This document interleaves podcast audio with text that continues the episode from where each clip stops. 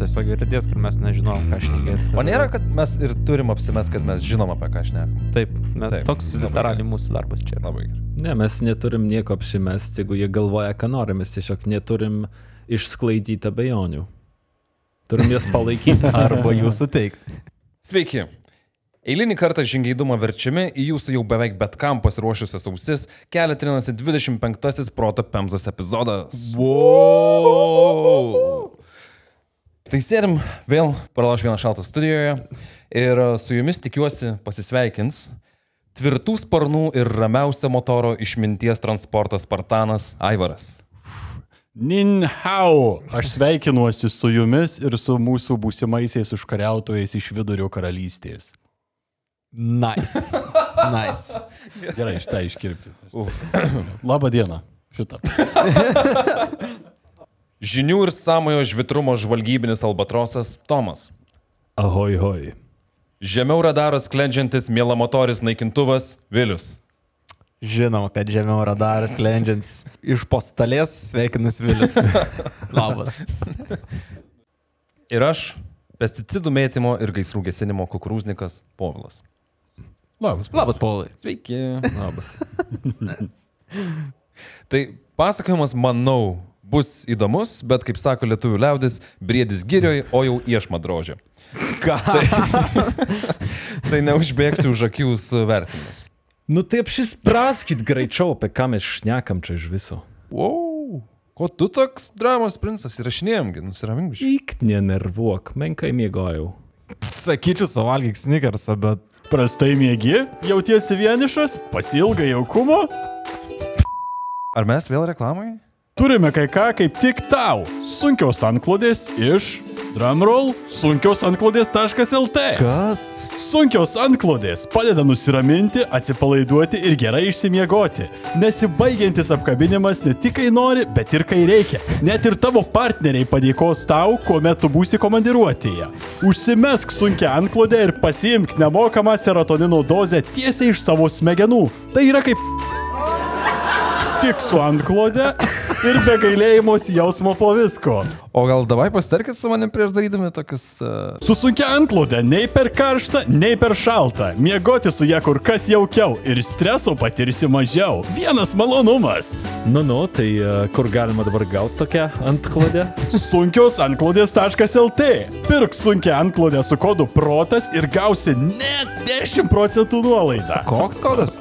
Eik į sunkios antklodės.lt ir su kodu protas PROTAS gausi net 10 procentų nuolaidą. Pirk savo, pirk draugui ar draugiai. Visgi kalėdos dovanų metas. Ok, gal galim toliau įrašinėti? Sunkios antklodės. Jūs manęs neužtildysit. Gana! Mažai kam žinoma asmenybė, arba kitaip pasakysiu, nepakankamai įvertinta asmenybė, kurios šiukštu negalima pamiršti. Tai šiandien pabandysiu išvairuoti visus Rimantos Tankievičiaus gyvenimo posūkius į istoriją apie didelę svajonę, dar didesnį ryštą, dar didesnius pasiekimus ir kaip biurokratinė ir ideologinė žemkasė pati užverčia kultūros nederlingą žemę. Mm. Žiauriai, žiauriai greitai pagalbės apie šaltinius. Tai dvi Edmundo Ganusausko knygos a, Lemties kilpa ir aukštumos, a, dokumentinis filmas apie Rimantą Stankievičių, kuris išėjo 94-ais, jeigu neklystu, krūvų, krūvos straipsnių apie Rimantą patirtį ir jo gyvenimą, paties Rimanto dienoraštis ir ranka rašyti atsiminimai ir papildoma medžiaga iš Marijampolės Rimanto Stankievičiaus progymnazijos muziejaus ir mokyklos istorikės Vidos, kurie mus įsileido į minėtąjį muziejų. Labai jai ačiū. Rimantas Antanas Tankievičius gimė trečiadienį 1944 m. Liepos 26 d. Marijampolį. Vaikystė pilnoj šeimoje, brolis, sesė, namas prie upės Daukanto gatvėje.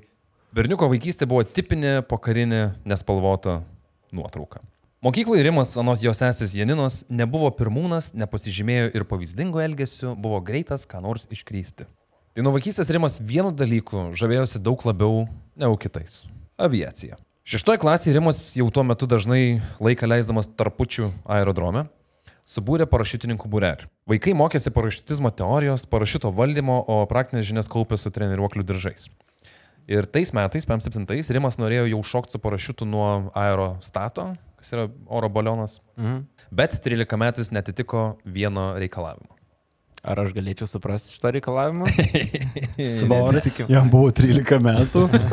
Ne. Ai, Negi. Svoris, Tomas sakė. Reikėjo sverti bent 50 kg. 13 metais Rimas svėrė kem 9 ir jiem trūko 1 O, kg. tai galėjo įsidėti Leisti. kišenę ten kokį kačiuką ir... Užvalgyti tą dieną daugiau. Jo! ne- Nenueiti rytai iki toliau. Dvi dienas nešikti. Bet įsivaizduoju tada šuolio metu, kaip Jo, viskas. Jo. Nu, nudryfuoju su parašiutu, nes ne, ne, nepakankamai. tais metais negavo šok, nes trūko 1 kg, bet kitais metais jau pastambėjęs 14 metais padarė net 4 šuolius. Ir Rimo akis vis dažniau krypo į dangų. Kaip apie Rimą atsiliepė jo ilgametė auklėtoja Zenona Motskevičinė, Dvejetas pasitaikydavo retai, bet ir nemažai trejetų buvo. Ką daryti? Išgirsta lėktuvo gaudimą ir šoka iš suolo net pamokos metu. Jau ir mokytojai visi apsiprato.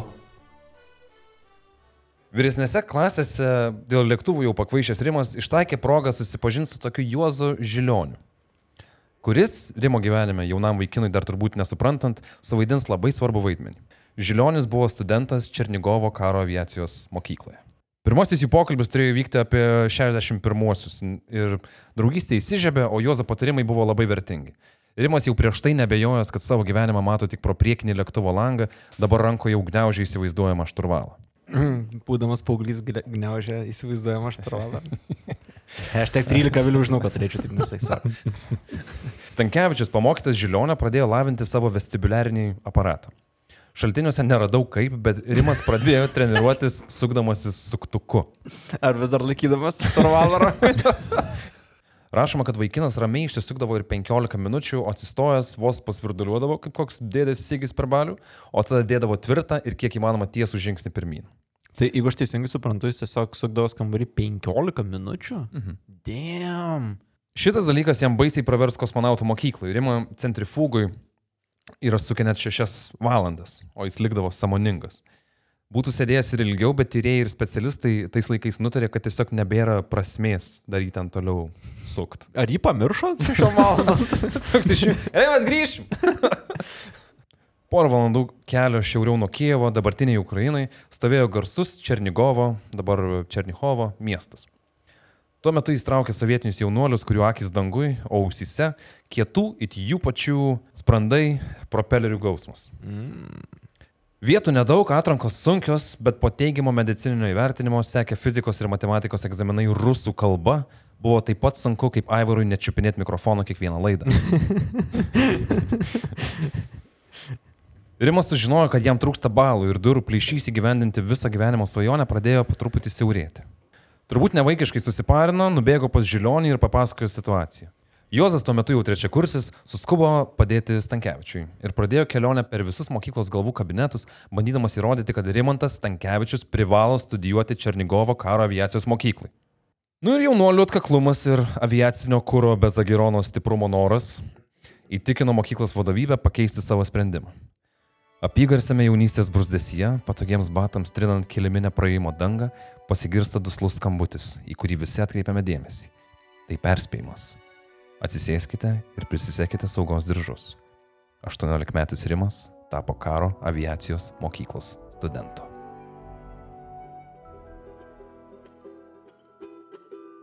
O aš Rimui sakydavau, kad aš tave nemačiau niekada lėktuve, tu turbūt nelakūnas. Nu į vieną sykį nuvažiavau, pasiėmė mane, Ireną ir šitą mažesnį vaiką, vad sako, man reikia šiandien atlikti kokią tai programą. Jisai prie Maskvos upės mane nuvežė, ten mašinų važinėjimai buvo išraižyta aikštelė.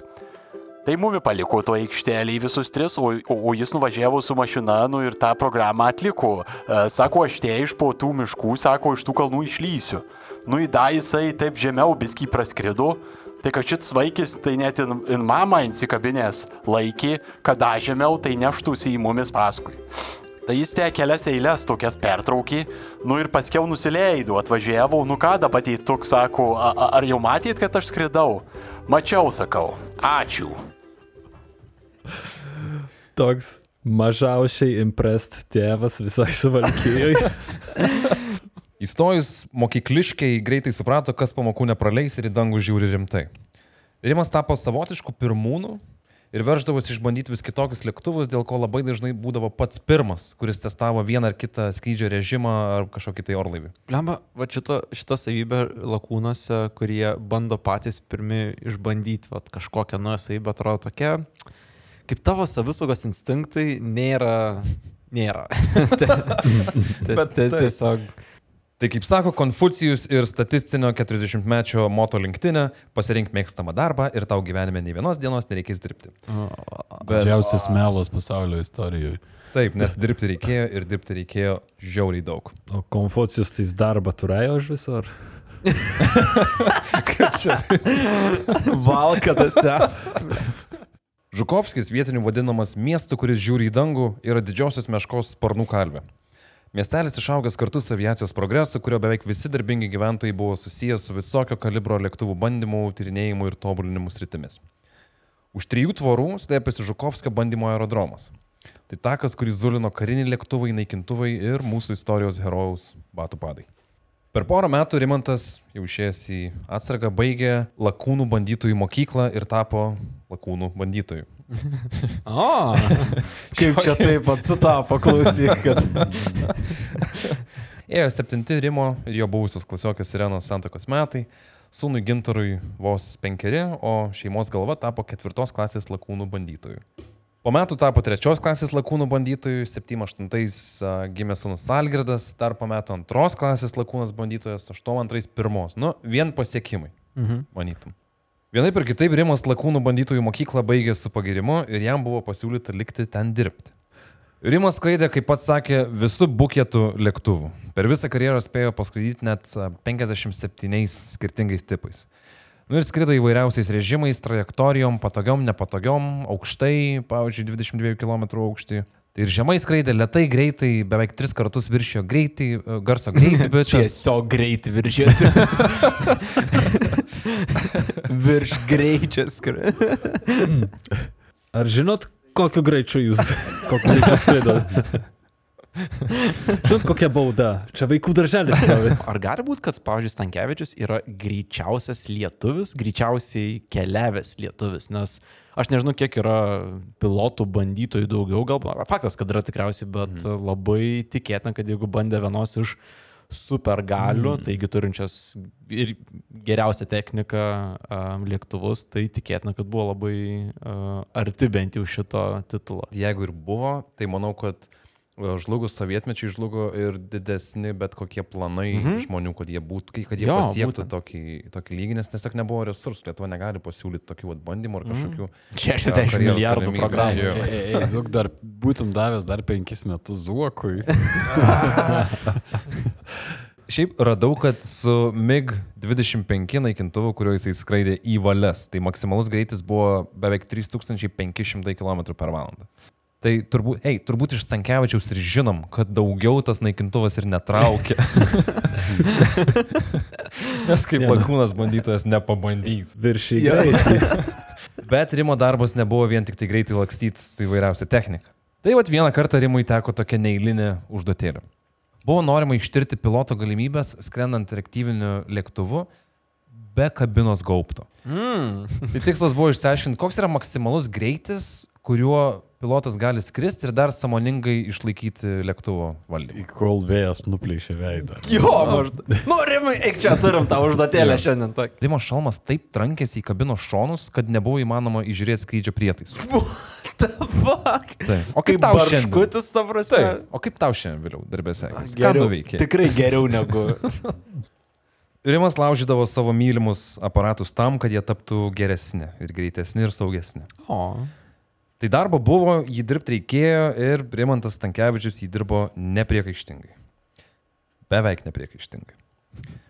Pirmadienis. 8-6 kovo 17. Pirmadienis. Taip, va, va, va. Rimas sėdi 10 km aukštyje, super naikintuve MiG-29 ir suktukus jis buvo įpratęs daryti pats. Išsikapanot iš besisikančio aplink savo ašį, pavyzdžiui, įsivaizduokit, naikintuvo buvo, kaip sako, jo duona ir sviestas. Bet šį kartą gravitacija nusprendė, kad Rimo naikintuvas geriau atrodytų ant Žemės. Jis įsukosi tuo suktuku ir pabando vieną programą atsistatyti, lėktuvas neatsisuka į normalią poziciją, aišku, jisai praranda aukštį, įjungia kitą programą, kad atsistatytų. Nu ir niekas nesuveikia, aišku, tai jisai galvoja, kad jau kaip ir aukščio nėra labai daug, tai aš panaudosiu tokį kaip paskutinę priemonę išlyginti lėktuvą. Tai tam yra naudojamos tokios raketos, kurios yra ant sparnų. Tai kai mhm. sukiesi į vieną pusę, tai tiesiog ant vieno iš sparnų paleidi raketą ir tave O, ne tai, nice. atstato, bet bent jau sumažinas sukimas ir tada gali jau išvairuoti Čia kažką. toks brutalus būdas jau, ta prasme, Taip. duot. Ok, gerai. Tai pabandžius įjungti lėktuvo atstatymo į normalią padėtį raketą, Rimas su savo naikintuvu pradėjo suktis tiesiog dar stipriau. Mm, ne tą raketą jungia, ta prasme. Taip. Nu, kažkas ne taip. Tai išcentrinė jėga lupo Rimą iš kabinos taip, kad jis net buvo pakilęs virš savo sėdynės. Tai jeigu nediržai, jisai būtų pritekštas prie stiklo kaip šildomas kiaušinis mikrobangiai. Tai 6 km jam neišėjo išlyginti, ties ketvirtais jis nusprendžia fuck it, lyginu su raketa, nu, tipo, naudojau paskutinę priemonę ir pradėjo tik tai dar labiau sukti. Čia tas momentas, kai, žinai, uh, lethal weapon turi išeiti. I'm too old for this shit. Taip. Turėjus pagalvoti šitą bent kartą. Ir dar pirmadienis, nepamirškime. Pirmadienis. Dar pirmadienis, jo. Gal tai susiję kaip nors po Minimal Sunday. kai-.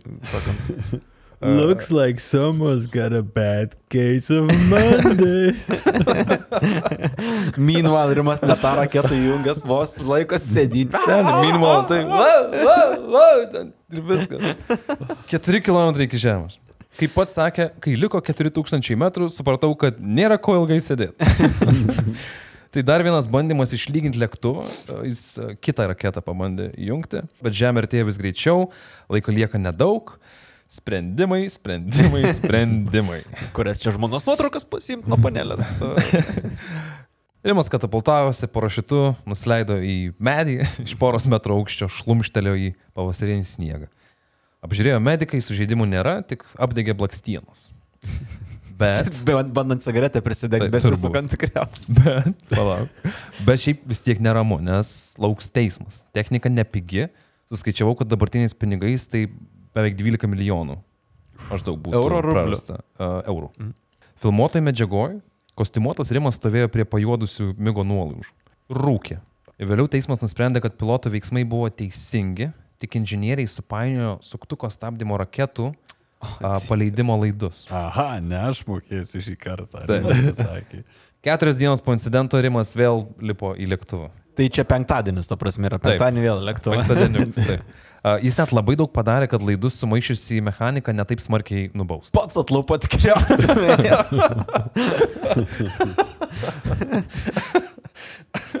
Tai kur yra kairė? nu, rodom, kuri kairė. Logiška, kodėl pirmieji kosmonautai buvo atrinkti iš lakūnų. Gera sveikata, šiek tiek panaši darbo aplinka, mažesnis psichologinis barjeras - visą tai padėjo Gagarinui ir jo kartos kosmonautams. Stipriaus kepenys irgi. Bet svarbiausia, pilotavimo žinių kosmonautam nereikėjo. Į kosmosą pakildavo su raketa, nusileisdavo kapsuliai su parašiutu. Tai nedaug vairavimo, kaip pagalvoju. Mhm. Bet su daugkartiniu erdvėlaiviu visiškai kitaip. Turi leistis į lėktuvą panašiame, bet mažesniais sparnais aparate, kuris neturi variklių. Todėl buvo pasirinkti geriausi sovietų lakūnai bandytai. Prasidėjo 76 metais. Prie manęs prie Saša Lisenka. Noriu pasikalbėti. Taip ir taip darys laivą. Yra konstruktoriai reikalingi lakūnai. Aš jau sako, parašiau pareiškimą. Ir tu rašyk. Parašiau. Į kosminę programą su Stankievičiam kartu užsirašė Aleksandras Lisenka, Viktoras Bukrėjevas, Olegas Kononenko ir Igoris Volkas. Labai įdomu, kaip sako e, ir amerikiečių kosmoso programą iš tos pusės, kad e, pilotai bandytojai, Mhm. tada kažkas užsirašo, e, draugas pakviečia irgi pritampi, ta prasme, labai kito, kiti pasaulio regionai, bet ta pati, ta pati kelionė iš tikrųjų, nepaisant tų ideologinių skirtumų kažkokių. Stereotipiškai aš visą rusišką techniką įsivaizduoju, kur prie sudėdamųjų dalių būtinai bus plaktukas, stiklinė ir kiksmažodžių žemėlapis. Toks, kada ką sakyti. ane? Bet žinau, kad tai nėra tiesa. Greitai Rimo vestame dienoraštyje atsirado įrašų apie technikos nepatikimumą. Tai kaip suprantu, Rima ėmė grinai į Burano programą, ne? Būtent ant, ant šito, na, jis čia labai, labai cool dalykas, ta prasme, būtų daug kartinio. Čia visiškai science fiction atrodo, kad Taip. tu gimiai ten 40 something, ne? 54, Jo, ir tada vieną dieną tu skraidai su daug kartinio naudojimu ir dvėlų į fucking kosmosą ir atgal. Teoriškai statyti tarptautinę stotį Sovietų sąjungos kosmose, nes mhm. tie laivai labai pritaikyti šitam dalykui, Taip. nes gali daug pakelti ir, ir, ir daug skraidyti. Burano programos komanda visgi augo. Reikėjo pakeisti žuvusius ir priimti naujų veidų. Viktoras Zabolotskis, Jurijus Šeferis, Magometas Tolbajevas ir Uralas Sultanovas. Šitie vyrukai prisijungė prie kosminės komandos, o Rimas pasikvietė dar porą jaunų talentingų lakūnų bandytojų - tai Sergejų Tresvetskį ir Jurijų Prichotką. Bėgant laikui Rimo vaidmuo kosminiai komandai kito. Jam teko net užsiimti administracinę veiklą, kas buvo visai ne jo dalykas. Ir tuo metu iš kosmoso grįžęs Igoris Volkas, toks veikėjas, a, dar apie jį papasakosiu, atitolo nuo lakūnų bandytojų, nes buvo įtrauktas į visuomeninę veiklą. Tai vienas didvyris važinėja po mokyklas ir kolūkius, o kitas, komandos autoritetas, pildo žurnalus ir moko komandos narius. Ir taip Rimas nejučia pradėjo griežti pagrindinius smūjų, rusiško žvaigždžių karų operų iš tai. Mhm. Rimanto darbo dienas įtraukdavo ir sudėtingų sprendimų dėl pačios tos programos uh, prieimimus. Tai pavyzdžiui, o ką jeigu dėl nenumatytų sąlygų reikės leistis ne numatytame kosmodrome, o kažkur kitur? Turėjome į kažkur kitur, kokiam nors civiliniam dvigubai trumpesniam oro uoste. Su erdvėlaiviu. Mhm. Pavyzdžiui, Šiauliuose. Kaune. Jo, Šiauliuose buvo galima tą Jo. daryti. Jo. Teoriškai atsakyti tokius klausimus galima ir reikia. O Rimo užduotis buvo pabandyti nutupdyti lėktuvą buraniniam sąlygom. Ne buraną, bet kažkokį kitą lėktuvą, nes nu, to pačio burano negalėjai iš karto, pavyzdžiui, pakelti mhm. orą, bet reikėjo bandyti. Ir tas sąlygas kažkokias susikurti reikėjo kaip ir patiems. Tai sąlygos tokios kaip kristi iš 10 km aukščio įjungus atbulinį. ir penkis kartus stačiau nei įprastai. Tai čia maždaug tas pats turbūt kaip su mašina nuvažiuoti, nulėkti nuo vieduko ir tikėtis pataikyti į parkavimo vietą. Mhm. Mm. Okay. Tai Rimas išbandė kelis aerodromus Sibirė ir Kazakstane ir istorija byloja, kad pilotai, žinodami, kas vyks, susirinkdavo pasižiūrėti, kaip įmanoma taip meistriškai operuoti lėktuvą. Mhm. Arba atėjai pažiūrėti, gal jisai plosis į žemę. Mhm. Na, vienas iš dviejų. Visada bus vaizdinys. Jo, Taip, jo. taip. Always a show. Taip, taip. Spektaklis visada yra. Pakilti ir nusileisti ant žemės buvo sudėtinga užduotis. Stankievičiai tokias užduotis vykdyti sekėsi, bet darbo specifika veikia kaip rusiška ruletė. Rimas vedė dienoraštį, kur užrašinėdavo savo pasiekimus, reikšmingus įvykius ir nelaimės. Rimas užrašydavo žuvusio kolegos vardą ir kas jam tą dieną nutiko. Pilotai krito tiesioginė to žodžio prasme vis dažniau, o skausmu, riaumojantis varikliai Stankievičiai priminė apie gyvenimo trapumą. 82 vasario 3 dienoraštį rašė. Antradienį neskraidam. Laidojam vyrus. Baisu. Šito aš dar nemačiau. Prieš kelias dienas Žukovskio oro bazėje kilo pirmasis tos dienos skrydis. Pakilimo metu lėktuvas pasisuko ant kairio sparno ir trenkėsi į žemę. Sudegė dešimt žmonių. Uf. Rimo dienoraštis labai subtiliai atskleidžia chronologinę asmeninių ar tai kolektyvinių gyvenimo ar darbo įvykių liniją, papildytą jo paties išgyvenimais. Pavyzdžiui, tokie nutikimai kaip nusileidimas naktį iš 14 km aukščio su atboliniu jungtu varikliuose. Ir Rimas rašo, kad lėktuvą išlygino aklinoje kabinoje, o atstumus diktavo dispečeris. Pranešinėjo gerai, bet kur buvo labai svarbu, praleido. Ok. Mm. Nei viena diena, aišku, nėra tokia pati. Tai nu, nupieš, man, nupieš man šitą vaizdą, tai tu naktį, tamsu, ne, mhm. krenti atbulomis. Ne, net bulomis, bet tavo varikliai veikia bulomis. Tu stabdai kaip ir varikliais, kad Buranas, Ai, okay. matai, Buranas neturėjo variklių. Mhm. Kaip su kažkokiu kitu lėktuvu tai atkartoti. Tai tu ne tai, kad išjungi variklius, o tau reikia kuo sunkiau. Tu pilotas testuotojas, tu okay. esi laužytojas dalykų. Tai tu krenti uh, veidų į apačią, stabdai, Beveik, stabdai savo Varikliai sukasi varikliais. atgal. Jo, Taip. yra visiškai tamsu tiek už lango, tiek kabinai. Ir tu orientuojas aplinkoje ne pagal prietaisus, o pagal tai, ką tau sako dispečeris tuo metu. Nes aš bandu tiesiog įsivaizduoti, kiek yra tuti fruti situacija, kai tu... Pasitikėjimo žaidimas. Jo, jo.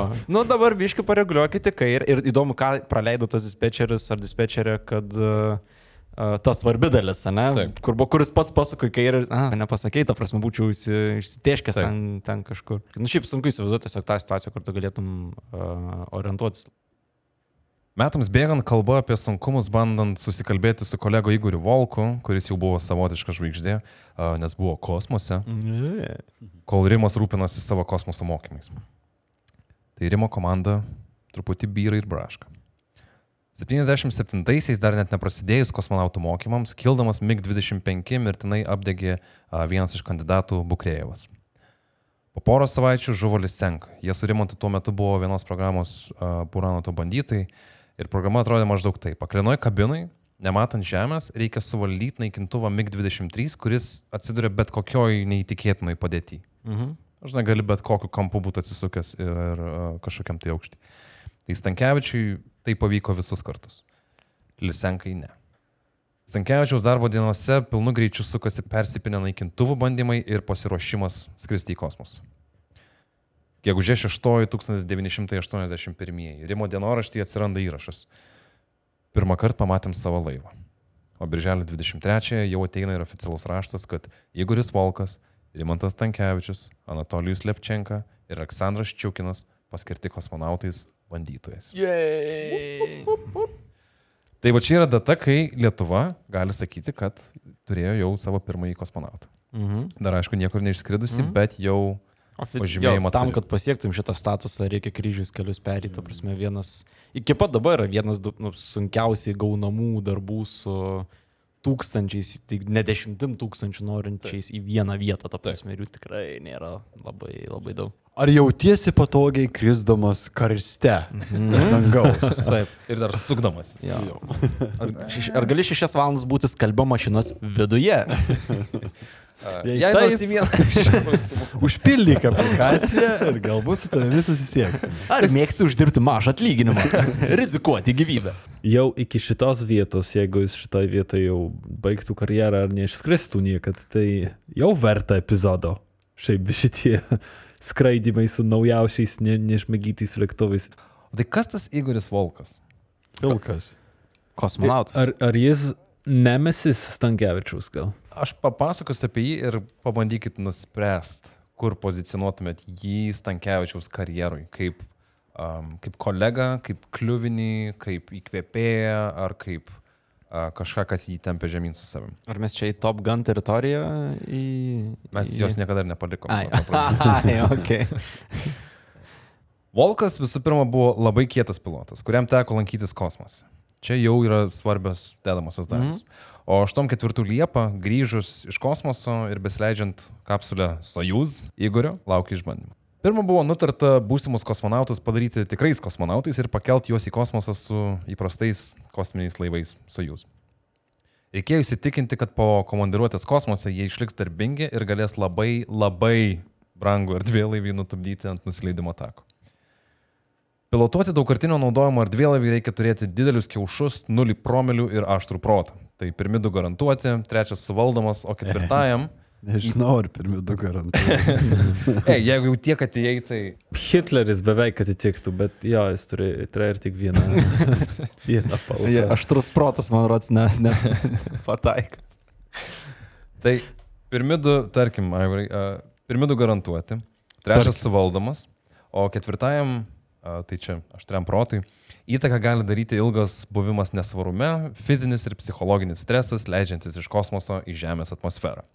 O kas geriau pilotą priveda prie tokios būsenos, jei ne ilgas buvimas nesvarume ir fizinis bei psichologinis stresas, leidžiantis iš kosmoso į Žemę.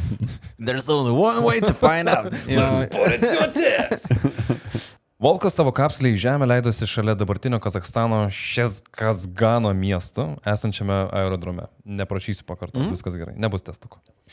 Ten jo jau laukia Rimas, bešildantis gigantiško lėktuvo laboratorijos 254 variklius. Šašlykai kepa kažkur. Visi dangų pažiūri, nu, dar parūkau ir varom. Daugiau nei pusantro tūkstančio kilometrų ilgio kelionė, čia jau kai Volkas nusileido, ir a, Rimas jį pasėmė su 254. Tai šitą kelionę, šitą kelionę Volkas galėjo palsėti, visgi grįžo žmogus iš kosmoso. Bet po daugiau negu 3 valandų skrydžio, prieartėjus prie nusileidimo tako, kosmonautas Igoris Volkas buvo pasodintas į dešinį piloto krėslą ir iš 10 km aukščio turėjo nutupdyti beveik 100 tonų sveriantį lėktuvą, panašiomis sąlygomis, kaip leistųsi iš kosmoso grįžęs Buranas. Tai ypač stati trajektorija, varikliai atbuliniam ir O bandyk. kodėl? Čia dėl to, kad bandytojas jis Taip. turėjo vis dar bandyti. Taip, čia buvo, Okay. jis išbuvo kosmose ilgai. Nusileidant žemės, tai paėmė, sako, ir varom toliau dirbti. Taip, Mm, taip. nice. Nes kaip geriau išbandysi, jeigu netokiam realiom Mhm. sąlygom. Tu čia ne tik technikos bandymas, Čia, čia visiškai žmogaus galimybių bandymas. Jo. Čia yra... Uh, Ne, ta prasme, tu nusileidai iš kosmoso ir čia yra tik tai pusė tavo darbo dienos dar. Mm. Ji dar nesivaikė. ok, pavalgai. Ne, kai čia galvoju, žinai, nu, jau du mytus šiandien sėdėjau, dar vienas įvarau namo. Čia nusileidau iš fucking kosmoso su neaiškia technika, nu tai dar šimto tonų lėktuvą nu, nusodinti reikia. A jo, ir jis nežinojo apie šitą dalį visos... Uh... neradau tokios informacijos, mm. bet manau, kad... Tarkim, nežinojo. turė- Jo, jo, jo. Toks, kur jau atsileidai, jau ten pakeliu ją pačią gal ir uh, išgėręs biškai. Ir čia reikia pilotuoti. Ei, kaip. Ties kuriuo momentu tu sakai, I've made a huge mistake. Misijos vadovai svarbiausia niekada neduodavo paprastos situacijos. Komanda leistis būdavo duodama toliau nuo tupimo uh, tako, kokia nors visiškai nepatogia kryptim, kuo sunkiau ir tikroviškiau. Nu ir tada krenti po 45 metrus per sekundę ir bandai suvaldyti lėktuvą ir nutupdyti jį ant tako. Tai Volkui nusileisti, aišku, pavyko, viskas gerai. Rimas tokių nusileidimų padarė šimtus. Mm. Tai žmogus tikrai žinojo, ką daro, bet kad ir koks būtų geras specialistas, kai kurie dalykai nuo Rimo nepriklausė. Ei, trumpam pristabdyk variklius. Tik norėjom pasakyti, kad esam labai dėkingi, kad klausai proto pemzas ir leidai jai aukti virš garsinių greičių. O kiekvienas komentaras, laikas ir pasidalinimas verčia stengtis tik dar labiau. Gremžiam, gremžiam ir toliau gremžiam. O jei tik epizodų nepakanka, tai apsilankyk mūsų Patreon'e. Ten rasti papildomas medžiagos smalsumui patrinti. Taip pat gali mus sekti Facebook ir Instagram'e, bet gerai, gana, grįžkim prie istorijos. Iki 91 pagrindinė kosminė stotis buvo Salut 7. Mhm. Po to sekė stotis Mir, e, kurią gal prisimenat mhm. iš vaikystės, o tada jau... Per Armagedoną dar mir rodė ant... Ant nice. kiek, Jinai buvo iki 21. Mhm. Nuo 86 iki 21, o tada jau buvo tarptautinė kosminė Mhm. stotis, kokią mes ir dabar matom. 8-3 balandžio 20 popietę iš Baikonūro kosmodromo į kosmosą buvo iššautas erdvėlaivis Sojuz T8. Komanda, kuri buvo išpersta į kosmosą, buvo trys patyrę kosmonautai. Pakilimas įvyko be incidentų ir trijulės misija prisijungti prie kosminės stoties ir pataisyti jos saulės baterijas. Atrodė, kad šitą misiją einasi kaip ir planuota. Jie turėjo vieną darbą - nuskrist, prisišvartuot ir eiti taisyti batarkės. Čia kaip minimum trys darbai yra. O tai trys žmonės. jų? Pil, jo, pilotas, tada tas, kur sugrįžta ir vienas, nes ant technikas. Suvirintojas. Jo, tas su, su e, tuo įrankiu diržo aplinkui, cigaretė, ta prasme, per skafandrą iš, išlint. Tas butt crack matas. Scruff, scruffy. Tai viskas kaip ir gerai ėjosi, bet a, šaltis ir tamsa rusams kosmose ir Žemėje ruošia išbandymą. Susilyginus Sojuzo ir Saliuto, skamba kaip du šunys draugai. tai susilyginus jų skrydžio trajektorijom, tapo aišku, kad automatinis susijungimas yra neįmanomas. Bet tai nebuvo dėl kosmonautų kalties jau ką. Pakilimo metu nulūžo viena iš Sojuzo antenų, kurios reikėjo sėkmingam prisijungimui prie kosminės stoties. Pasiekus uh, kosminę stotį, skrydžio kapitonas Titovas dar paprašė leidimo padaryti susijungimą, naudodamasis tik tai kaip ir savo rega ir vienu radaru. Nu ir lempa buvo prieki, kad matytų, kur. Uh, kur Jung ilgas. Artėjant susijungimui, a, kapitonui pasirodė, kad sujūzas prie kosminės stoties artėja per greitai. Ir, Pasirodė. Jo, bet nu, ei, tavo šitam aparatui yra tamsa. Mhm. Ir neturiu orientyro per langą, nes fucking kosmosas. Ir dar 4.20, žinai, dieną. Tai. Sprendimai, sprendimai, sprendimai. Baimė dėl susidūrimo ir katastrofiškos kosminės nelaimės užpildė mažytę žaliai išmuštą erdvėlavio kabiną. Ant prietaisų skydo įtaisytas gaubulys kartu su kosmonautais skendėjo visiškoje klinoje tamsoje. Stabdykit.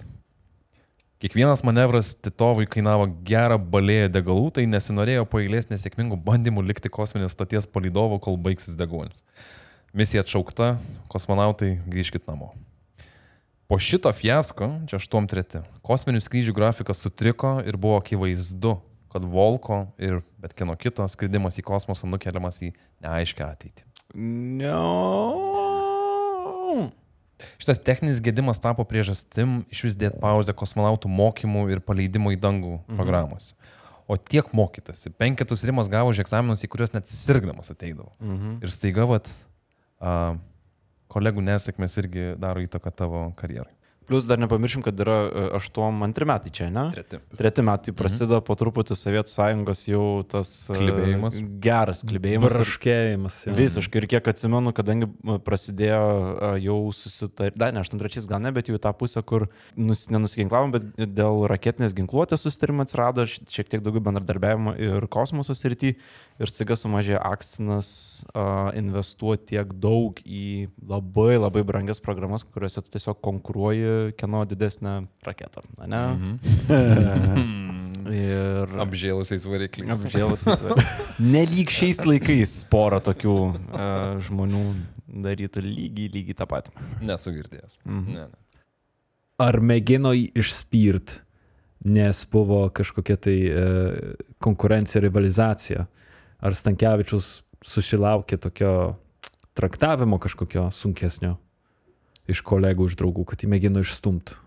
Kolegos ir draugai gal ne, iš to kiek domėjausi, bet pati sistema truputį springčiojo to faktu, kad jis nebuvo rusas. Arba nebuvo, nu, realiai, pasakykim taip, kad buvo lietuvis. Ir jisai to paties fakto, kad yra lietuvis nepaleido, tai jam truputį trukdė. Buvo net situacija, kur sovietai jam vienu metu siūlė, jam siūlė tokį dalyką, kad sako, tu nebegrįžk į Lietuvą, lik Rusijoje ir tada jau tavo kosminis skrydis įvyks ir daug greičiau. O jeigu ne, e, stok į eilę. Mhm. Sistema, kaip vėliau ir sakė, Sovietų braška, kaip ir tokie incidentai dar stabdo visą progresą, nesutarimai su komandos nariais, kai kuriais, pavyzdžiui, Volko. Niekas kaip ir negerėja. Mhm. Atrodo, kad viskas tiesiog komplikuojasi ir net be kažkokių rimo pastangų. Penktadienį buvau pas Partkomo sekretorių. Sakiau, kad laikas atsižvelgti į mūsų reikalavimus. Jis pasakė, kad pirmadienį surinks visus. Surinko. Pasakė, kad užmirštam, kas buvo anksčiau, nuo šios dienos pradedam dirbti kitaip. Niekas nepasikeitė. Skamba kaip vėlyvoji Sovietų sąjunga. Mhm. Jo, visiškai 80s laikotarpis pabaigėlė. Ar nemanot, kad ryškėjo dabar kaip žmogus su a, tikrai neįliniais gabumais atsid, atsidūrė situacijoje, kur galėjo tos gabumus išnaudoti? Yeah. Bet Jo, jo. truputį tas remeras supuvo greičiau negu uh, spėjom nuotrauką. Labai ne ant to laiko pataikė, sakykime. Vat. Dešimt metų anksčiau, arba de, nebūtų sugriuvusi atsakymą, ko mes tikriausiai nebūtume norėję, bet uh, to žmogaus perspektyvų tai būtų tikrai naudai išėję, nes jis pataikė į laikotarpį, kai jo gabumai pradėjo turėti mažesnę vertę rinkoje, sakykime, ir pati valstybė nebegalėjo tikriausiai jų taip jau išnaudoti puikiai.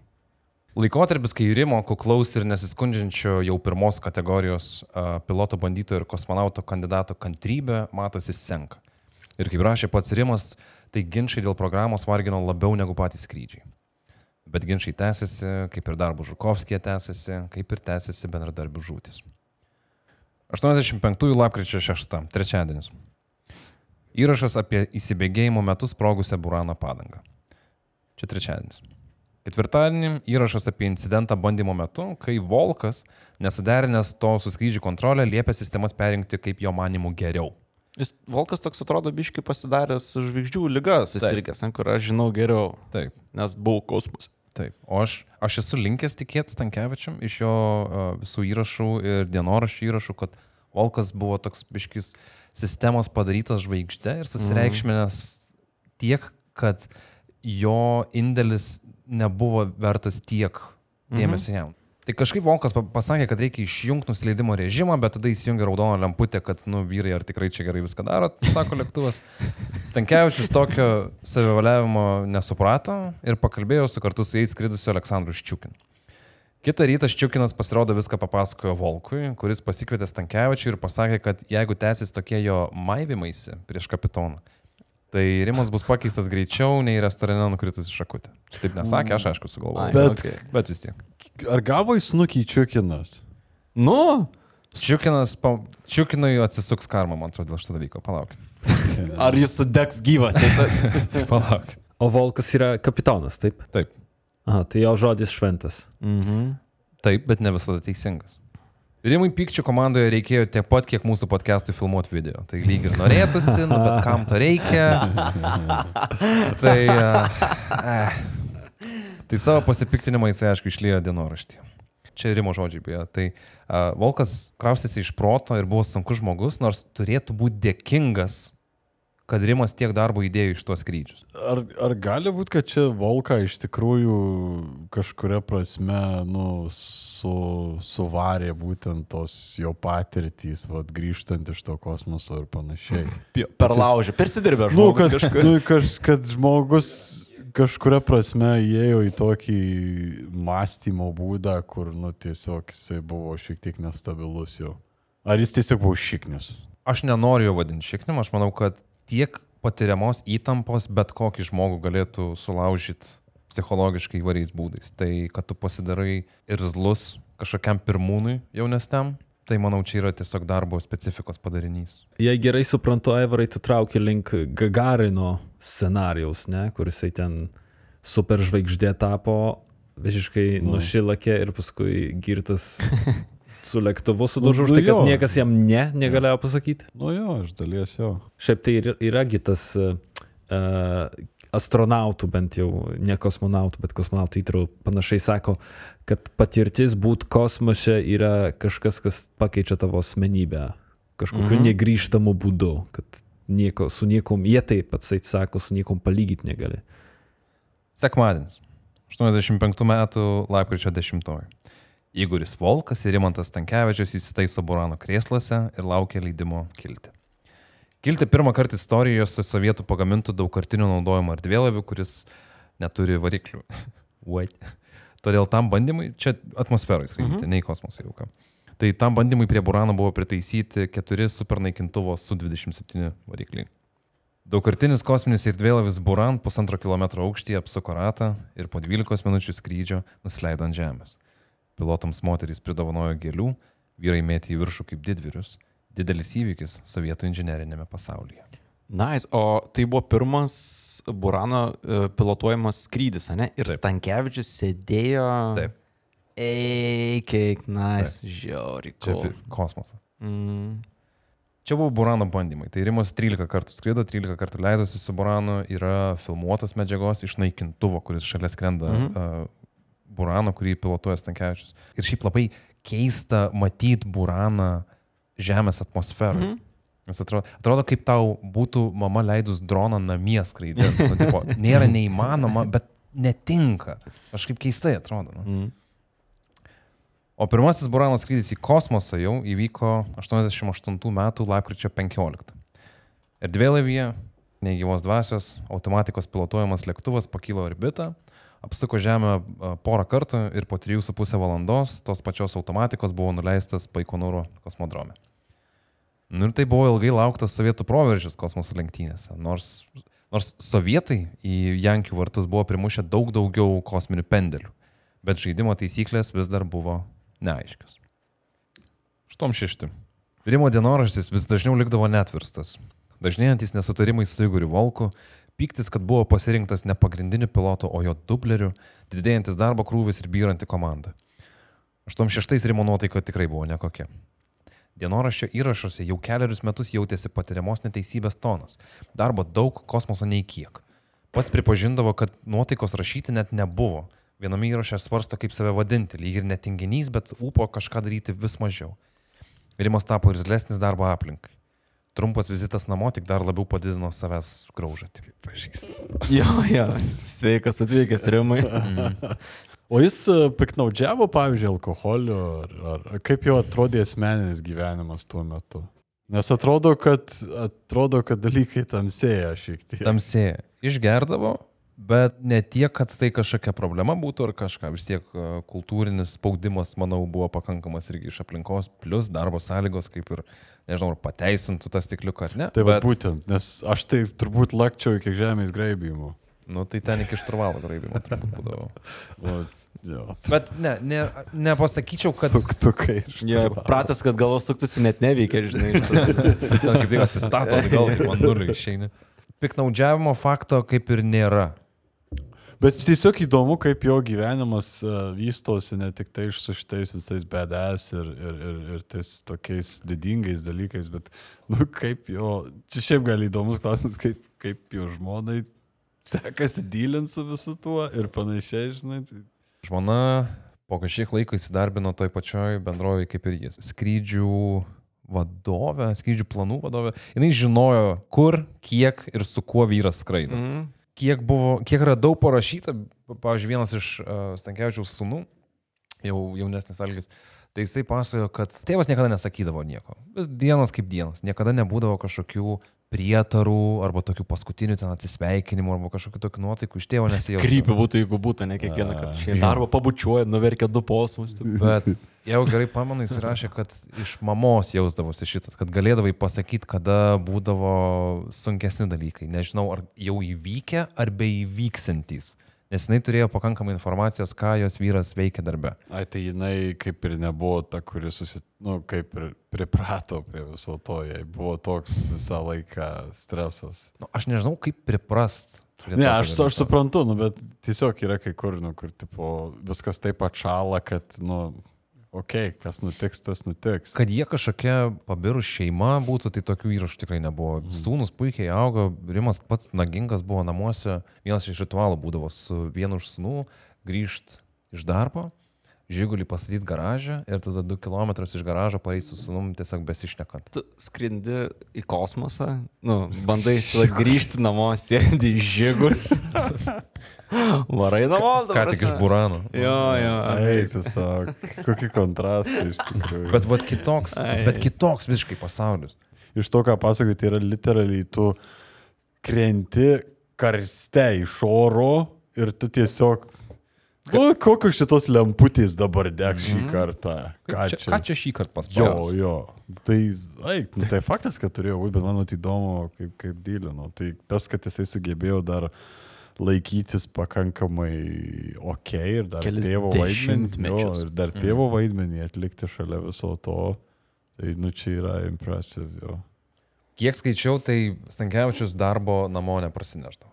Nu, Ten buvo- Ta prasme, čia dar yra įspūdingesnis turbūt pasiekimas, nes tokį darbą dirbant, neparsinešti jau namo, tai Ką vadinsim, aišku, neparsinešti darbo namo, ten kokių detalių. Tai, Raketinio Ne, tai- kūro jo, kokį salerkos prisipilti. Ei, uh, aviacinis kuras yra labai panašus į dizelį. Žinau, esu girdėjęs istorijų, kur šiuliuose zakniuose vokdavo iš e, bazės kuro, jį ten kažkaip perdirbdavo ir pildavo į mašinas. Šiaip gali važiuoti. Atvirkščiai, ne. Nes aviacinis kuras neužšala, o paprastas dizeliukas labai greitai ten tau sukietėtų sparnai ir labai kaip vad karstas ir kristum į žemę, kaip, kaip Stankievičius. Stankievičiaus sunus viename interviu vėliau pasakojo, kad jo tėvai pagalius į ratus kišo jo taip branginamą lietuvybę.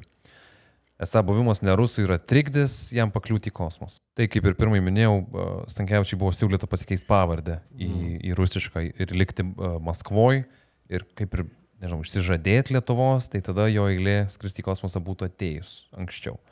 O dabar stovėk eilė ir lauk. Bet Stankievičius, kuris mamai sakydavo, kad labai džiaugiasi, kad yra lietuviukas, taip ir sakydavo, pasikeisti pavardės tikrai negalvoja. Tas laikmetis apskritai buvo keistas dabar, kaip mums atrodo, bet ir slaptumas darbo buvo didžiulis. Tai ryšininkės net išjungdavo skambučius, kai Rimonto šeimos nariai pradėdavo tarpusavį telefonu kalbėti lietuviškai. Tai turėdavo išnekėti su jais rusiškai, arba su, kai Lietuvas skambinai turėdavo išnekėti rusiškai. Tai įtampos tikrai nemažina tokie mm. dalykai. Nu tai taip ir badė ilgi neteisybės nagai juos iš visų pusių. Ir toliau viskas tęsiasi, atrodo, tą pačią liūdną vagą. Iš kosmoso grįžusiam draugui Anatolijui Levčenkai vėžys. Ilgai nebeištempė. Kelios dienos po laidotuvių Rimas išskrido į Baikonūro kosmodromą, kurį pasivijo žinia. Žuvo ir Aleksandras Čičiukinas. Fuck you. Čia tas, kuris pasakė jo Volkui, kad, A, jo. kad e, Stankievičiui nepatiko ten e, Gavo. vadovavimai. Taip. Tai šitie būdų vyrai buvo, šiaip jie visi trys buvo artimi draugai, visi gyveno tame pačiame a, Lakūnų name Čkalovo gatvėje. Saša gyvena už sienos, o Anatolijus kitam aukšte. Niekas negerėjo. Valstybė, kuri atsakinga už tą programą, taip pat griūna. Sunku jam nematyti būtų šito, Jo. matant tikriausiai tas, technikos. This is fine. Jo. Stankievičiaus ir Volko santykiai tik prastėjo. Nesusišnekėjimas, ginčiai, neproporcingas užkrautų ir atliekamo darbo santykis. Rimas jau dirba ir per išeiginės. Bet darbo nieko daugiau ir nemato. Programos vadovų sprendimuose racijos nerandantis ir vis labiau pavargęs Stankievičius dienoraštyje rašė vis tamsesnių rašalų. Kartais norisi viską mest ir važiuoti į Lietuvą. Rimas visada norėjo grįžti į Lietuvą ir niekada jos nepamiršo ir buvo tikras patriotas. Bet grįžimas į 90-mečio Lietuvą, tokio lygio pilotui testuotojui, būtų reiškęs profesinę kataraktą karjeros pasiekimų zenito ryškume. Mhm. Taip pat kaip Rimantas nežinojo, kaip galėtų sugrįžti į Lietuvą, taip Lietuva nieko nežinojo apie jį. Slapti darbai, apie kuriuos Rimas net negalėdavo papasakoti namiškiam arba draugam. Kokiai nors istorijai prasprūdus už namų ribų galėdavo į Rimui pakengti net to nenorėdamas. O jo būdas buvo toks, kad jisai truputį drovėdavosi perspėti arba paprašyti, kad gal davai tie pokalbiai tegul nenuvilnyja kažkur toliau negu reikia. Mm. Saugumo ausis didelis ir raudonas. Slaptumas ir darbo pobūdis davė peno trumparegiams, patriotams, rimantą nublokšti į visiškai priešingą pusę. Buvo kalbama, kad antai Maskvai dirbantis slaptų misijų meistras net kenkia Lietuvai. Ir viskas iš to nežinojimo. Classic. Vartais Lietuvis, lietuvių lietuvis. Jo, jo, jo. savotiškas emigrantas namo regis galėjo grįžti tik tai iš kosmoso. 83 Rimas po nesutarimų su Volku teiškė jam, kad nebus jo dublerių. Nusibodo. Įmati skrydžio planą, bet neleidžia skraidyti. Šeši metai po to nedaug kas pasikeitė. Per tuos metus nekartą užrašytas į Sojus programą, nei karto neskrido. Per tuos metus iki paskutinio varšto ištestuotas Buranas. Ko jum dar reikia? Duokit žmogui nuskristi į kosmosą ir grįžti iš jo.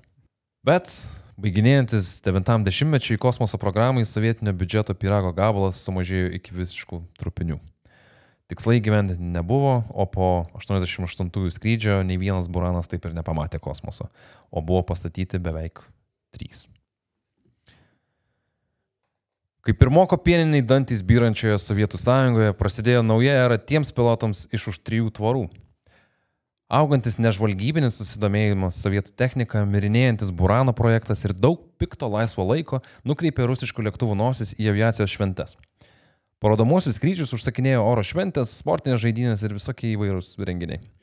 Tai šitie aviacijos kyborgai galiausiai buvo priversti tapti cirkininkais. Šiaip tie žmonės, kurie skraido e, akrobatiniai aviacijai, bet kariniai, tai jie vieni kečiausių pilotų. Aš nesakau, kad jie nėra keičiausi, aš tiesiog sakau, kad šito konkrečiu atveju kažkuria prasme aviacijos kyborgai Jau. buvo pusės, jo. numesti į tą tokią veiklą. Dance, papi dance.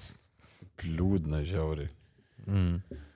Vienas toks renginys buvo, pavyzdžiui, 90-aisiais įvykusios uh, geros valios žaidynės. Šiltėjanti politinė pasaulio supervalstybių santykių atmosfera leido Rimantui nuskraidinti krūvą pilotų į Ameriką, kur buvo susitarta dėl pasirodymo žaidynėse. Rimas kartu su savo mokiniu Sergejum Tresveckiu, su kuriuo ir Burano programą, kurį jis pasikvietė bei į Burano mm. programą, turėjo parodyti savo pačių paruoštą naikintuvų programą. Po 21 treniruočio skrydžio 1990 m. Liepą jie buvo paskirti išskristi į Ameriką. Ir va čia Rimo kolega Viktoras Zabalockis padarė suktuką prieš pat režimo nosį. Viename laiške žaidynio organizatoriai Bob Walsh Viktoras parašė, kad iš sovietų ateis faksas su 67 vardais. Tiek žmonių turėjo priimti organizatoriai.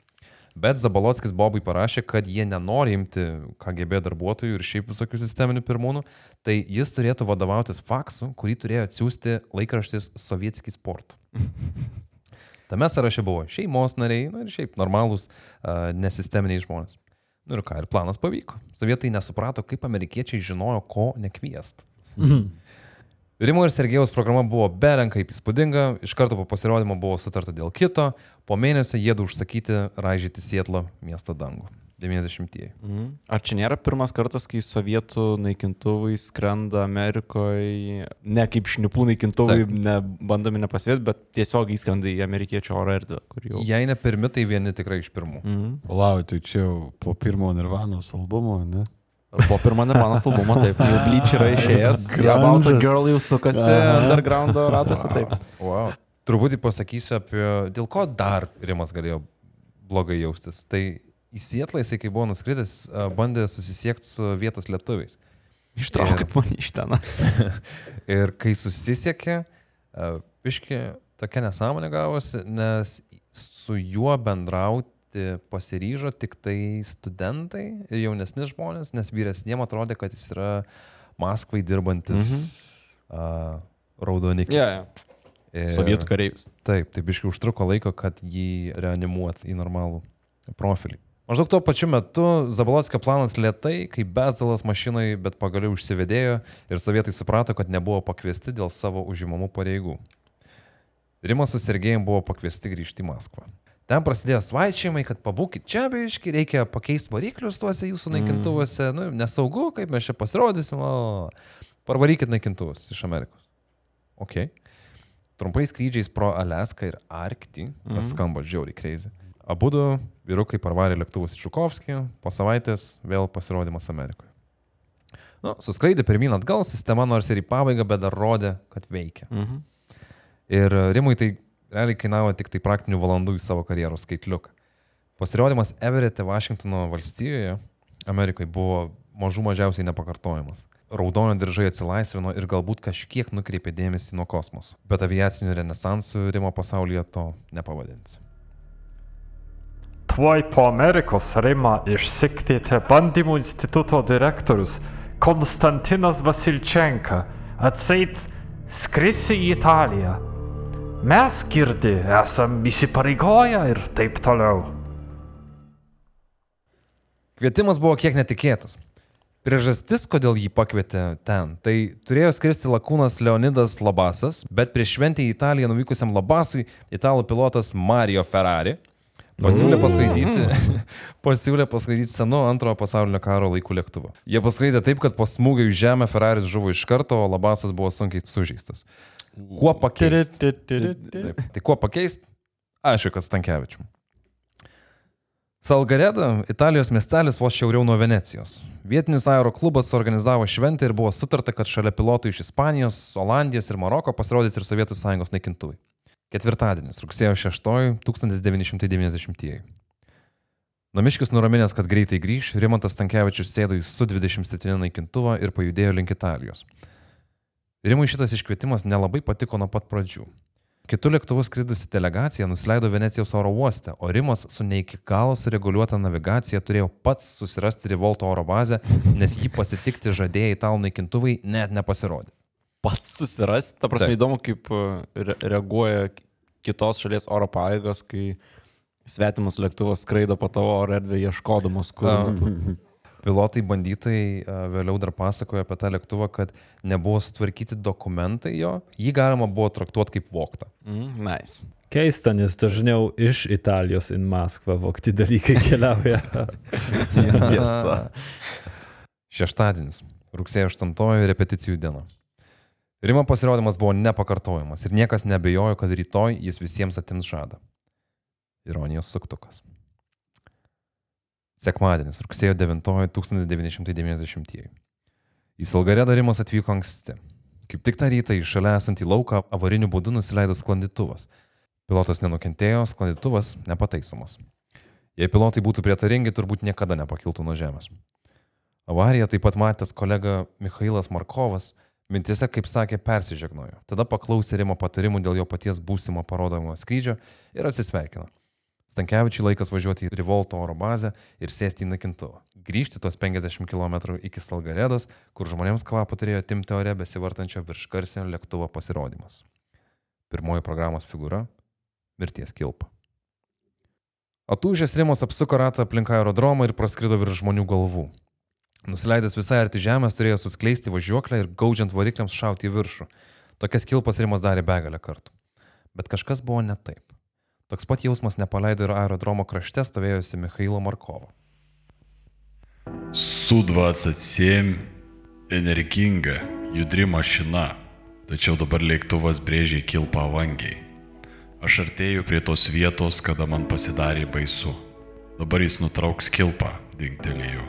Pervers lėktuvą į normalią skridimo padėtį ir tęs programą. Bet lėktuvas toliau brėžiai kilpą ir man pasidarė baisu.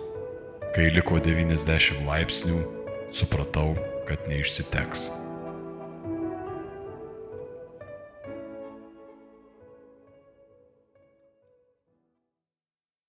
Per kukurūzų lauką, kuriame nukrito ir sudužo Rimonto naikintuvas, brovėsi pagalba. Žmonės ėjo artin lėktuvo, bet karštis buvo nepakeliamas, o pragaro sceną papildė ir sproginėjantis degunės balionai. Dvimetriniai kukurūzai slėpė nuo karščio ir žinios, ar Rimantas Tankievičius išgyveno. Markovas, leisdamasis lėktuvo išdegintą ir iškirstą liniją, pagaliau pasiekė nuolaužas. Čia naikintuvo krėslas, bet Rimo nesimato. Taip pat kaip per dūmus nesimatė jokio parašiuto. Kur jis? Už poros metrų ant šono gulėjo iš kabinos išsviestas Rimantas. Ranka atmesta į šalį, netrodė labai nukentėjęs, tik sužalota galva. Dešinės rankos pirštai suspausti taip, lyg jis vis dar laikytų naikintuvo vairalasdę. Niekas negalėjo žinoti, patikėti ar susitaikyti, kad tai buvo paskutinis Rimantos Tankievičiaus skrydis. Ikaras skaudžiai krito į žemę, taip ir nepalietęs kosmoso. Tragedijos metu žuvo italas, aerodromo darbuotojas, buvo sužeisti aštuoni žmonės, iš jų keturi vaikai. Iš vėliau surinktų duomenų paaiškėjo, kad iki smūgio likus 3,5 sekundės Rimas buvo nusprendęs katapultuotis. Galima tik spėlioti, bet lėktuvo trajektorijoje buvo ir namas, kurio turbūt Rimas bandė išvengti, nes paskutinės kelias sekundės jis suko tolyn nuo to namo. Paskutinis herojiškas poelgis. Sovietams tai buvo didžiulis smūgis. Atskrido pasipuikuoti savo techniką ir aukščiausio lygio meistro, viskas suveikė priešingai. Naikintuvo Su-27 konstrukcija buvo tokioj paslapty, kad rusai net bandė išsivežti nuolaužas atgal į Sovietų sąjungą, bet italai sulaikė jų sunkvežimį. Mm. Nelaimės priežasčių bakas buvo pilnas ir jei viskas būtų buvę žinoma prieš paskutinį skrydį, gal tą dieną Rimontas būtų neskridęs visai. Renginio organizavimas buvo ypač prastas. Aerodromas ir šventės organizatoriai buvo visiškai nepasiruošę tokio lygio, tokio lygio technikos pasirodymui. Mhm.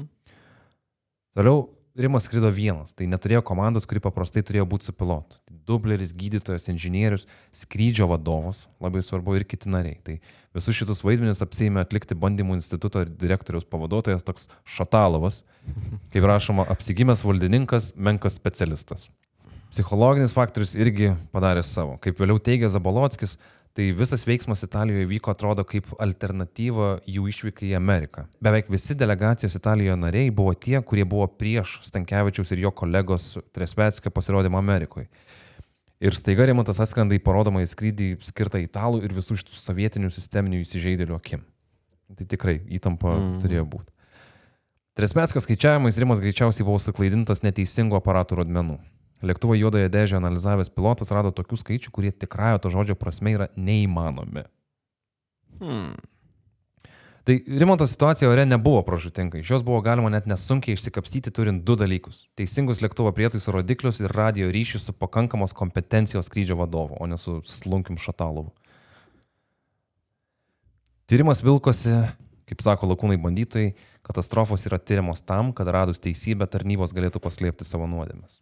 Pirmadienis, rugsėjo 10. Žukovskis. Jauniausias Tankievičių sūnus septintokas Algymantas po pamokų ėjo namo. Kieme buvo daug mašinų, kas buvo neįprasta. Kaip pats prisimena, užlipus į savo aukštą jis pajutė kvapą, kurį jausdavo žuvus kokiam nors tėčio bendradarbiui. Namų duris atidarė apsiverkusi mama, veidrodžiai buvo uždengti, trijų kambarių Stankievičių būtas buvo pilnas žmonių. Algis suprato, kad kažkas mirė, bet nežinojo kas. Ta diena iš jų namų pabėgo ir Katinas. Ir kaip sakė Natalijus Kvočiūras, toks uh, pilotas, kai klausė, kodėl lemtis renkasi geriausius, tai todėl, kad jie prieš akiją. Rimo kūnas pagaliau pasiekė Žukovskį, iš ten Marijampolę, paskutinė naktis tėvų namuose. Tai e, labai apmūdu, kad kosmosą nepasiekęs e, žmogus per aviacijos šau pabaigė savo dienas pakankamai neiškiam aplinkybėm, nes irgi teko skaityti ant biški. Bet uh, faina, kad papasakai, Polai, ačiū tau, nes uh, labai daug įdomių yra aspektų uh, Sovietų sąjungos tiek kosmoso programos istorijai, tiek Brano istorijai, tiek tas faktas, kad mes turėjom realiai kosmonautą. Tik tai gaila nespėjusi išskristi kosmosą. Čia, manau, verta paminėti, kad kosmosas net nebuvo jo siekiamybė, nes kosmose pabūti tai nėra piloto. Ne, ne, tai jis tiesiog gimė tuo laiku, kuris sekantis žingsnis, jau pilotų jau, nu, jau esi, ne, toliau yra būti kosmonautų, ta prasme, nėra, nu, tai loginė progresija iš tą vietą, nėra tokia. Uh, nu, čia tokia istorija, kur tu net turbūt filmo ar knygos neparašysi kartais net norėdamas kažkuria prasme, bet čia atrodytų, kad iš Marijampolės mm. -hmm. nuėjo iki, Toli, iki Burano ir, ir ta prasme vertė žmonės aikčiot po to ir Amerikos ir visur. Nu, Čia yra wow. Aišku, labai tragiška baigtis, bet man šitą istoriją kažkuria prasme yra įspūdingesnė nei Dobkevičius ar Pesetskas netgi. Jo darbas buvo stumti ribas kuo toliau. Žiūrėti, Peilio žmenų Taip, gyventi. Visą laiką. Reikia kažkaip daugiau įamžinimo šitos istorijos ir daugiau, kad detalių žmonės, man atrodo, žinotų. Nes O nėra mokyklos pavadintos jo? Jo, yra, yra Marijampolė antra vidurinė buvo pavadinta Jo, jo, jo garbei, tai va ten ir apsilankiau Nice. muziejuje, nes ten yra, ten yra ekspozicija, kuri susijusi su Stankievičium ir e, Stankievičius du sūnus turi. Ir jie 2008 dar pasirašė knygoje muziejaus Mhm. ir tą mokyklos muziejui padovanojo baltą šalmą tėvo Nice. a, kuris šiaip populiariausiose nuotraukose, man atrodo, Stankievičius ir yra su tuo Mhm. šalmu. Tai mokytoja, kuri mus priėmė, pasakojo, kad a, anksčiau visiems naujiem vaikam, kurie ateidavo į mokyklą, Uždėdavo. uždėdavo Gerą. šalmą, kaip paskirstimo kepurį per Harry Potterį. tai Jo, jo. Tai labai įdomu net taip arti tokių a, Mhm. artefaktų prisiliesti. Tikrai istorija verta būti ryškesnė kolektyviniai sąmoniai, popkultūroje Lietuvos. Ir manau, kad minimum atsidurs kituose podcastuose, bent jau paminėta. Šiaip tai pagalvojai, kad jis beveik 30 metų trunkančiai karjeroj kasdien eidamas į darbą mesdavo kauliukus. Ar čia bus šiandien diena? Mhm. Jis testuoja lėktuvą naują. Tai, mm. a, nežinau, nelabai įsivaizduoju savo kitokią baigtį tokiam žmogui su visa pagarba. Tu žaidži su ugnim profesiškai, kaip išminuotojas. Ir dėl to gal tuo liūdniau, kad tokiai lygioj vietoj. Ne veltui tas manevras, kurio metu neteko gyvybės, vadinasi mirties kilpa. Ta prasme, užsirišo ilgainiui. Kiekvienas tikriausiai kažkokias e, skirtingas aspektą turi, man būtent tas prisilietimas prie Burano programos yra kažkas neįtikėtina, nes laikau save kažkiek žinančio apie uh, tuos dalykus, bet nežinau, kad lietuvis yra šitą vietą ir what? visiškai, visiškai keista. Tai tik tai gali įsivaizduoti, kad dviem metais anksčiau viskas būtų prasidėję, tai galbūt spėjęs. Žinai, nedaug trūko, labai nu, taip arti, bet... Bet... Jo, turbūt būtų buvęs pirmuosiuose eilėse. O kaip su tuo valdininku baigėsi, kur... Labai sistemiškai įvyko. Visi lakūnai testuotojai sukilo, kad jį mestų lauk, nes jis buvo centro pavaduotojas. Tai jį tiesiog išsiuntė kitur. Mm. Kaip kuniga. Kaip kunigas. Jo. Kiek dabar, pavyzdžiui, sakėm, kad nėra pakankamai galbūt kažkokių pripažinimo ženklų jam ir mes nežinom jo kaip tokio defaultinio vardo, kai galvoju apie lietuvis kosmonautas. Nereiktų Matai, pagalvot. man atrodo, iš mūsų pusės daug kas pasakytų, kad ne, kad yra tie ženklai, nu, vad gatvę pavadinu. Bet nes nepadarė esam to ekstra darbo, kad apie tai būtų Kad žinoma. žinotų kas nors, jo, iš tikrųjų. Taip, ta tai va, aš šitą ir norėjau pasakyti, kad bent jau galiu papasakoti jum ir galim papasakoti kitiems. Tūkstančia mūsų. Sugražykim Buraną į Lietuvą. Ja, pasimkim tai, kas Taip. mūsų yra. Kur dėsim? Ant ža žaliojo tilto. Ant žaliojo tilto rimtai. Wow. prašau. O, pala, cvirkos, cvirkos paminklą paėmė, ne? Va. Jo, laisvų vietų tikrai yra. Pas. Don, klausykitės Vilnius miesto savivaldybė, čia nemokami patarimai vaikštai. Ačiū Jums, trim, kad klausytės. Ačiū ir mūsų klausytojams, ačiū, kad uh, mus palaikot ir tikiuosi šitą istoriją. Privers nuvažiuoti į Marijampolę. ir Paerzint mokytojas. Arba bent jau pasitamėt, uh, išgirsti daugiau ir apie Buraną ir apie viską. Tai sekit mus toliau, mes uh, pasakosim istorijas, o šitam kartai tiek. Ačiū ir iki. Iki. Iki. Viso.